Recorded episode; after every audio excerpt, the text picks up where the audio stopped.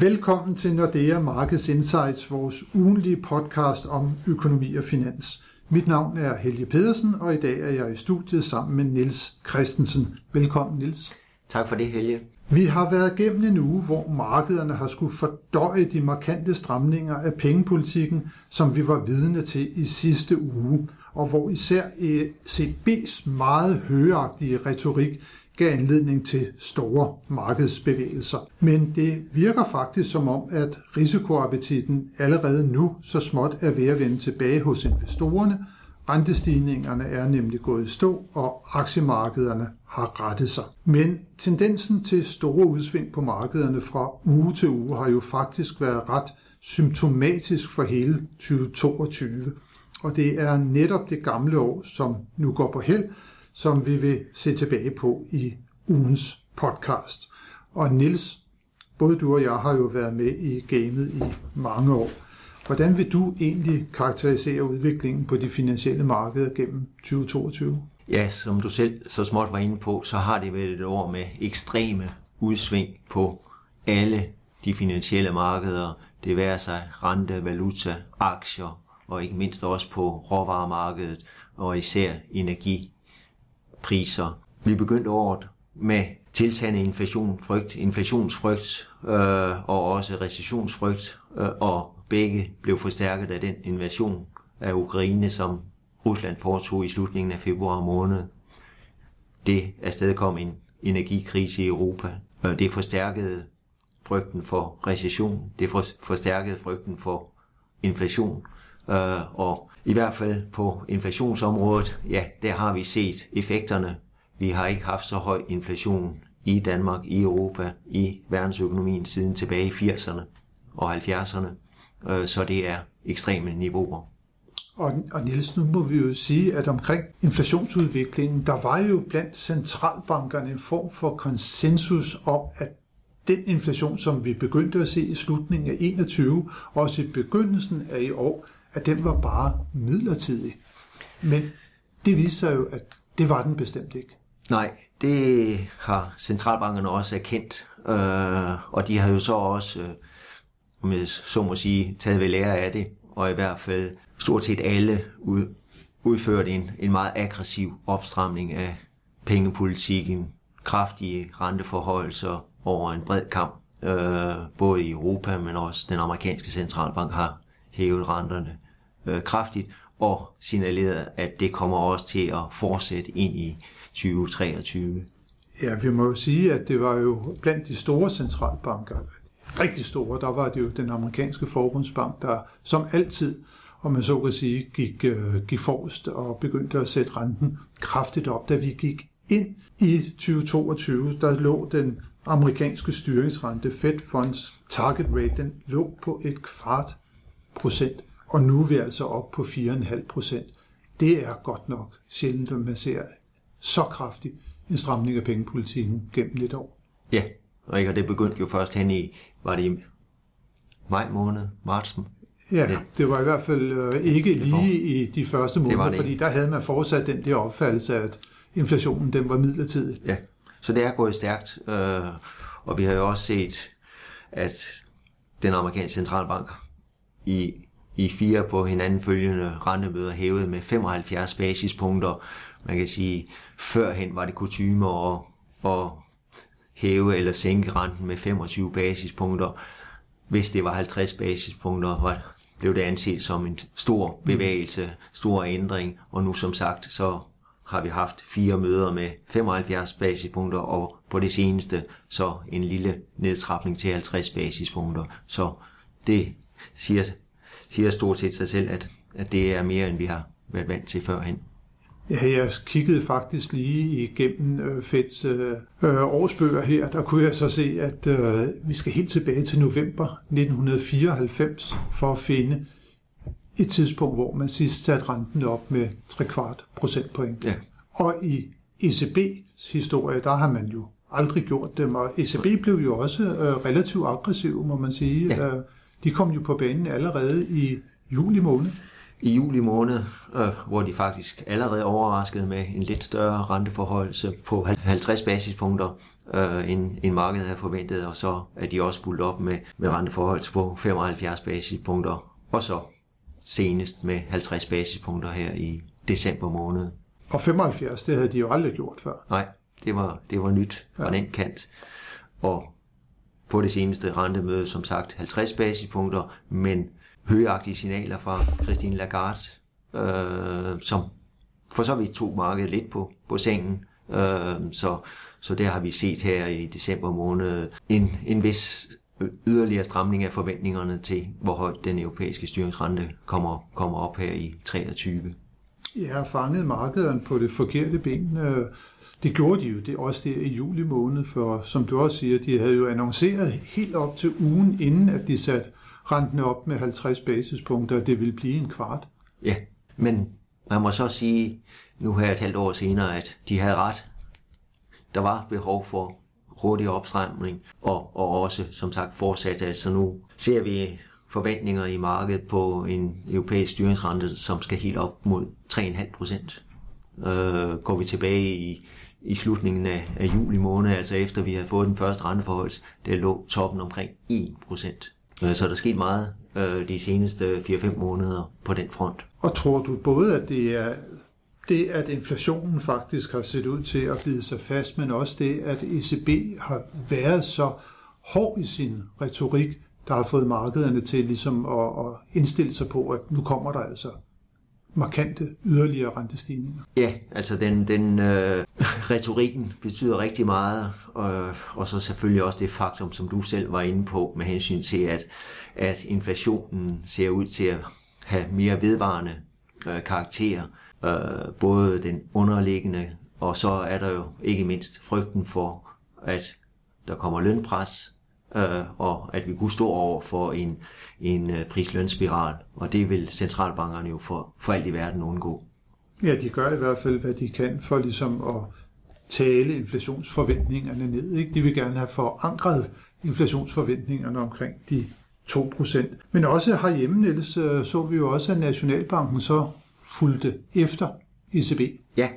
Ja, det gjorde de her igen i, i december måned, og, og denne gang var det så en, en renteforhold til 1 til 1, så den danske styringsrente også blev hævet med 50 basispunkter, hvil, hvilket den ikke gjorde ved det foregående møde, øh, på grund af den stærke danske krone. Der valgte Nationalbanken at udvide rentespænden til, til øh, eurozonen for at, at svække kronen. Øh, og da der ikke har været det store behov for intervention i, i november måned, og heller ikke ser ud til at være det her i december måned, ja, så var det ikke en helt stor overraskelse, at Nationalbanken valgte, øh, som sagt, at hæve, hæve tilsvarende med 50 basispunkter den 5. 15. december. Nej, men også i hvert fald øh, markante øh, ændringer i de hjemlige renter, også øh, Niels, hvis vi lige tager og, og, og også kigger på, på de 10-årige statsrenter, så er de jo også steget ret kraftigt ja. i løbet af året. Ja, det, det er selvfølgelig ikke overraskende, når, når vi både har centralbankerne, der, der strammer pengepolitikken, altså hæver den korte rente, øh, og så samtidig så, ja, så opgav de jo også, eller de stoppede deres opkøb af, af obligationer. Det var også en, øh, et forhold, som, som hvad skal man sige, gav opadgående pres på, på de lange renter. Øh, og så har vi selvfølgelig det meget høje inflationsniveau. Øh, og vi må sige, når vi kigger på obligationsmarkedet, at de udsving, vi ser, de er meget, meget store. Det betyder meget, hvad der sker i USA øh, for både de europæiske og de danske renter, og, og der er det ikke ualmindeligt, at, at den 10-årige amerikanske statsobligationsrente, ja, den bevæger sig 10-15 basispunkter inden for en enkelt handelsdag. Mm. Det er udsving, som vi for 2-3 år siden ville have, have karakteriseret som en voldsom, for ikke at sige ekstrem, øh, bevægelse inden for en handelsdag, øh, og her i 2022, ja, der er det næsten blevet hverdagskost for obligationsmarkedet med, med så store udsving. Og nu hvor vi er ved øh, de her øh, 10-årige øh, statsrenter, der er jo også sket noget i Japan på det sidste, som også har fået en vis øh, markedsbetydning. Øh, Bank of Japan har simpelthen også valgt nu her som den sidste af de store centralbanker at stramme pengepolitikken lidt op. Ja, ja man kan vel tilføje, at det ikke bare er de store, men næsten alle centralbanker har, har strammet pengepolitikken i, i løbet af, af 2022. Øh, og som du så siger, ja, som den sidste rosin i følgesenden, så kom Bank of Japan også på banen øh, på rentemødet i tirsdags. Øh, ikke en renteforhøjelse for, øh, som hos de andre centralbanker. Bank of Japan har haft meget fokus på den lange rente, den 10-årige statsrente, øh, og har, har, har forsøgt at holde den meget lavt. Øh, og nu åbner de op for, at den 10-årige rente kan stige lidt mere end tidligere, hvor de før har haft et bånd på plus minus 25 basispunkter omkring 0, ja, så udvider, det, så udvider de det spænd til plus minus 50 basispunkter. Og vi så reaktionen med det samme i den 10-årige rente i, i Japan, som steg med en 15 basispunkter på annonceringen. Og der har også været lidt fremme, at det måske endda kunne have betydning for de danske boligrenter. Hvordan er det lige, det hænger sammen, Niels? Jamen det er, at, at de japanske investorer igennem de senere år har været, været, været ganske interesseret i lange danske realkreditobligationer for den højere rente. Øh, men med de rentestigninger og dermed kursfald, voldsomme kursfald, vi har set øh, på, på 30-årige realkreditobligationer, ja, så er Japan, øh, japanernes øh, øh, lyst til at, at, at fastholde de positioner, de er nat- naturligt nok faldet, mm. øh, og de har solgt tilbage. Øh, og med den seneste udvikling i, i Japan, ja, så er det et yderligere lille element til at forvente, at de japanske investorer vil være mindre interesserede i, i danske realkreditobligationer fremover. Fordi de simpelthen nu måske kan få en, et højere afkast ved at placere i, i ja, hjemlige japanske netop. papirer. Men Niels, øh, bortset fra rentemarkedet, som vi har snakket om lige nu, så må vi jo også lige øh, komme ind på, at der har været øh, også et ret betydeligt fald på, på, på aktiemarkedet. Øh, OMX C25 er i år i forhold til starten af året nede med knap 15 procent. Det er også en, en voldsom korrektion. Er det især pengepolitikken, der har spillet en rolle der? Øh, det er jo et af elementerne. Øh, et andet element er jo frygten for recession i ja, verdensøkonomien og også i, i dansk økonomi, øh, som, som lægger pres på, på mange virksomheder og, og dermed også øh, aktiekurserne. Øh, nu nævner du, at C25 er nede med, med knap 15% over året. Der må vi jo sige, at, at mange af de 25 selskaber, som udgør C25-indekset, ja, de er ikke faldet med 15 procent. De er måske faldet med 20, 30, 40, 50 procent mm. er der flere selskaber inden for de relativt få selskaber, som er faldet i kurs.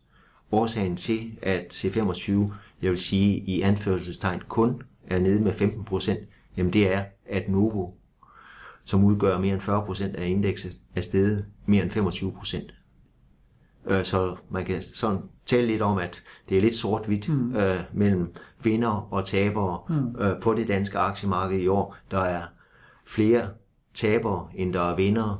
Øh, Novo slår helt klart ud som den store vinder. Øh, der er også nogle af bankerne, der mm. har gjort det udmærket og, og inden for den finansielle sektor. Ja, så bankerne de bliver vel også understøttet af, at pengepolitikken bliver strammet, altså simpelthen det her renteniveauet, det kommer til at stige. Ja. Det plejer at være godt for bankerne, ja. alt andet lige. Ja, men det er jo ikke kun de danske aktier, der har fået en, hvad skal man sige, over nakken.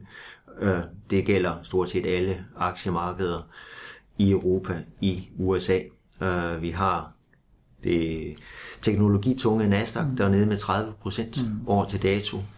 Øh, og det bliver jo ekstra hårdt ramt af igen renteforhøjelser, øh, som, som slår igennem på, på gældstunge selskaber. Øh, så derfor Nasdaq nede med så meget. Kigger vi på de bredere indeks i, i USA, Standard Poor's, så er det nede med 18 procent, mm. altså lidt mere end C25. Ser vi på det snævre Dow Jones, så er det faktisk kun nede med 8 procent i år.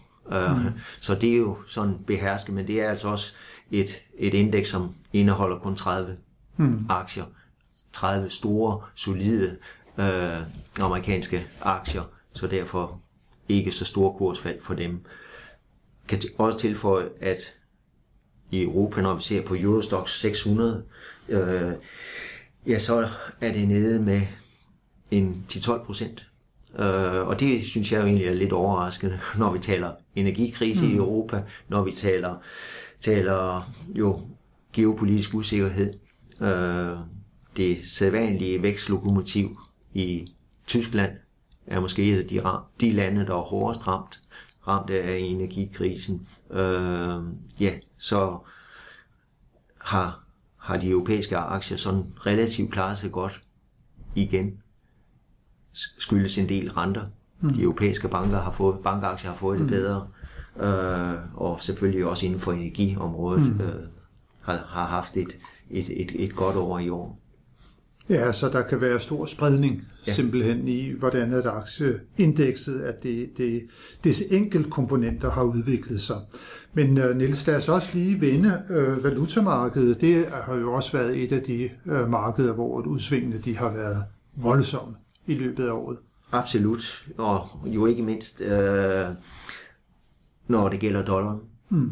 Uh, der har jo sådan set været uh, to to sæsoner for dollaren inden for året. Øh, de første tre kvartaler, mm. hvor det var stort set en vej mm. for dollaren, og det var opad. Mm. Vi begyndte året i 6,50 kroner mm. over for den danske krone. Øh, og i slutningen af september, der lå vi lige i underkanten af, af 7,80 kroner. Og det svarer til en stigning på næsten 20 procent. Det gør det.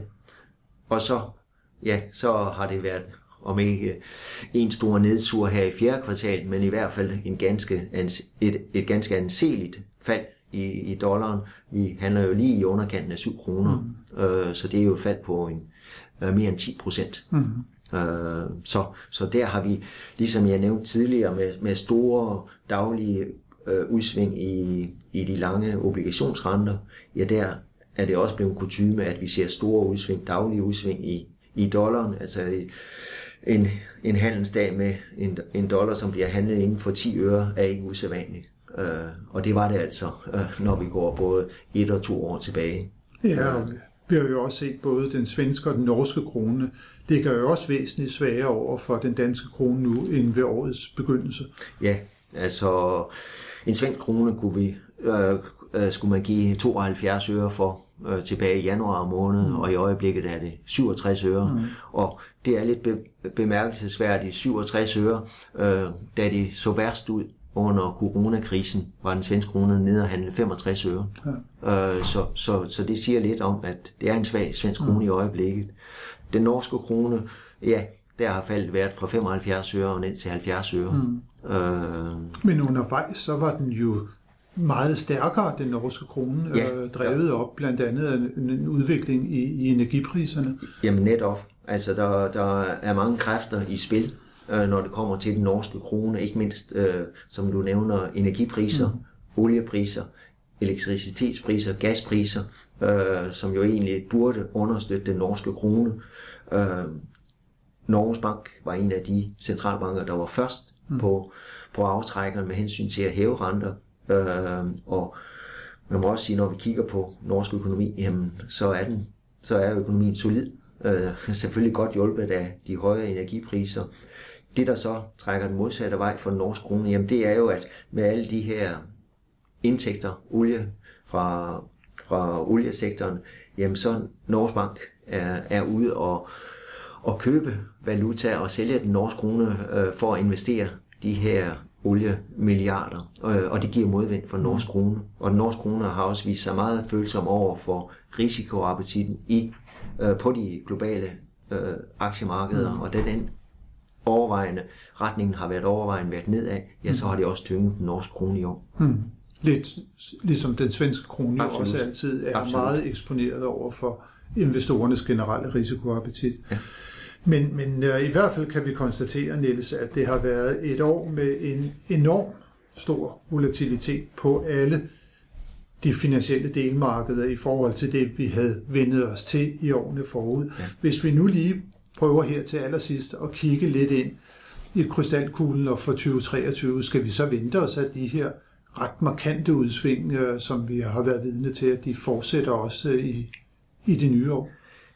Øh, til dels måske knap så voldsomt, øh, men vi må jo sige, at øh, sigtbarheden på de finansielle markeder øh, er lav, øh, og det er den, fordi sigtbarheden med hensyn til verdensøkonomien er lav.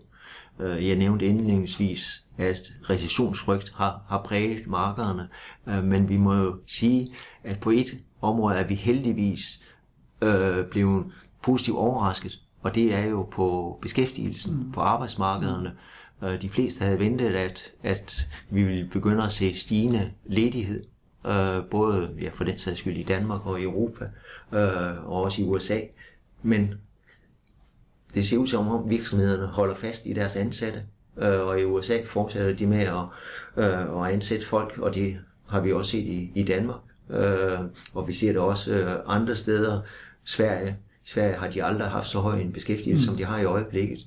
Øh, men det er jo ligesom om, at, at vi står over for øh, et 2023, som godt kunne blive året, hvor vi kommer til at se en stigende ledighed. Det må vi næsten gå ud fra øh, med, med den de udsigter, der er for efterspørgselen i verdensøkonomien. Men der er det store spørgsmål jo så, hvor kraftig en stigning, som vi kommer til at se i arbejdsløsheden, om det bliver noget, hvor man kan karakterisere det som værende en en, en krise, som vi kommer ind i, og ikke mindst i USA. Den måde, man opgør recessioner på i USA, de tager jo netop højde for udviklingen på arbejdsmarkedet. Vi taler mange gange om, at vi kan komme i en teknisk recession i Europa og i Danmark, hvis det er, BNP falder i to på hinanden følgende kvartaler, og det er jo faktisk temmelig sandsynligt, at det kommer ja. til at ske. Men i USA, der skal der jo også være en tilhørende kraftig stigning ja. i arbejdsløsheden, ja. for at man kommer til at benævne det som en recession. Ja, der er jo de, øh, decideret et, øh, økonomisk institut, som, som øh, officielt annoncerer, hvornår mm. den, øh, den amerikanske økonomi, økonomi øh, er i recession. Øh, så som du siger, der skal, der skal mere til, før man, man kommer til det punkt. Vi må så også sige, altså i hvert fald, når vi, når vi øh, anvender den europæiske øh, betragtning, eller, eller sige, øh, konklusion på en recession, som du, du nævner, to, to, kvartal, to på hinanden følgende kvartaler med negativ vækst. Øh, at det skulle ske her, er der måske ikke noget at sige til, fordi BNP er kommet så højt op mm. øh, igennem øh, coronakrisen, så, så, så at, at BNP falder lidt tilbage, øh, er måske næsten at, at forvente fra så høje niveauer, og, og, og bør nok ikke betegnes som den helt store krise. Og det bliver jo super, super spændende at se, hvordan det udvikler sig i 2023. Du siger jo, at sigtbarheden den er lav, og det må man sige, det er den jo faktisk også i dag, hvor vi sidder i studiet på en bestemt øh, grå decemberdag lige før øh, jul. Men Nils, øh, vi skal jo altid slutte af med lige at nævne næste uges øh, nøgletal, men det er jo en juleuge, vi går ind i. Der er faktisk ikke nogen nøgletal af betydning. Jeg kiggede lige listen igennem. Jeg synes, det mest spændende det er faktisk, at Spanien kommer med øh, tal for inflationsudviklingen øh, lige inden nytår, altså den 30. Der kommer flastallet fra Spanien på inflationen for december måned, og der skal det jo blive spændende at se, om vi der kan få måske en lille forvarsel om, at inflationen ja, den er på vej ned i Europa. Ja, det, det er jo der fokus vil være, øh, som du siger, i næste uge, men også i begyndelsen af, af januar måned, hvor vi får inflationstal fra Europa. Ikke? Nu kommer vi lidt hen i måneden, så får vi også inflationstal fra USA. Mm. Øh, vi skal selvfølgelig også holde øje med beskæftigelsestal, løntal, mm. øh, øh, og så har vi så en, en lang januar måned, før der så er rentemøde i, henholdsvis den amerikanske og den europæiske centralbank, henholdsvis onsdag den 1. februar og torsdag den 2. februar, hvor vi forventer, at renterne så bliver sat yderligere op, måske med 50 procent, eller 50 basispunkter. 50, ja, ikke et halvt procent. ikke, ikke 50 procent, men et halvt, øh, øh, et halvt procentpoint. Ja. ja. Men, men Niels, det er simpelthen inde i det nye år.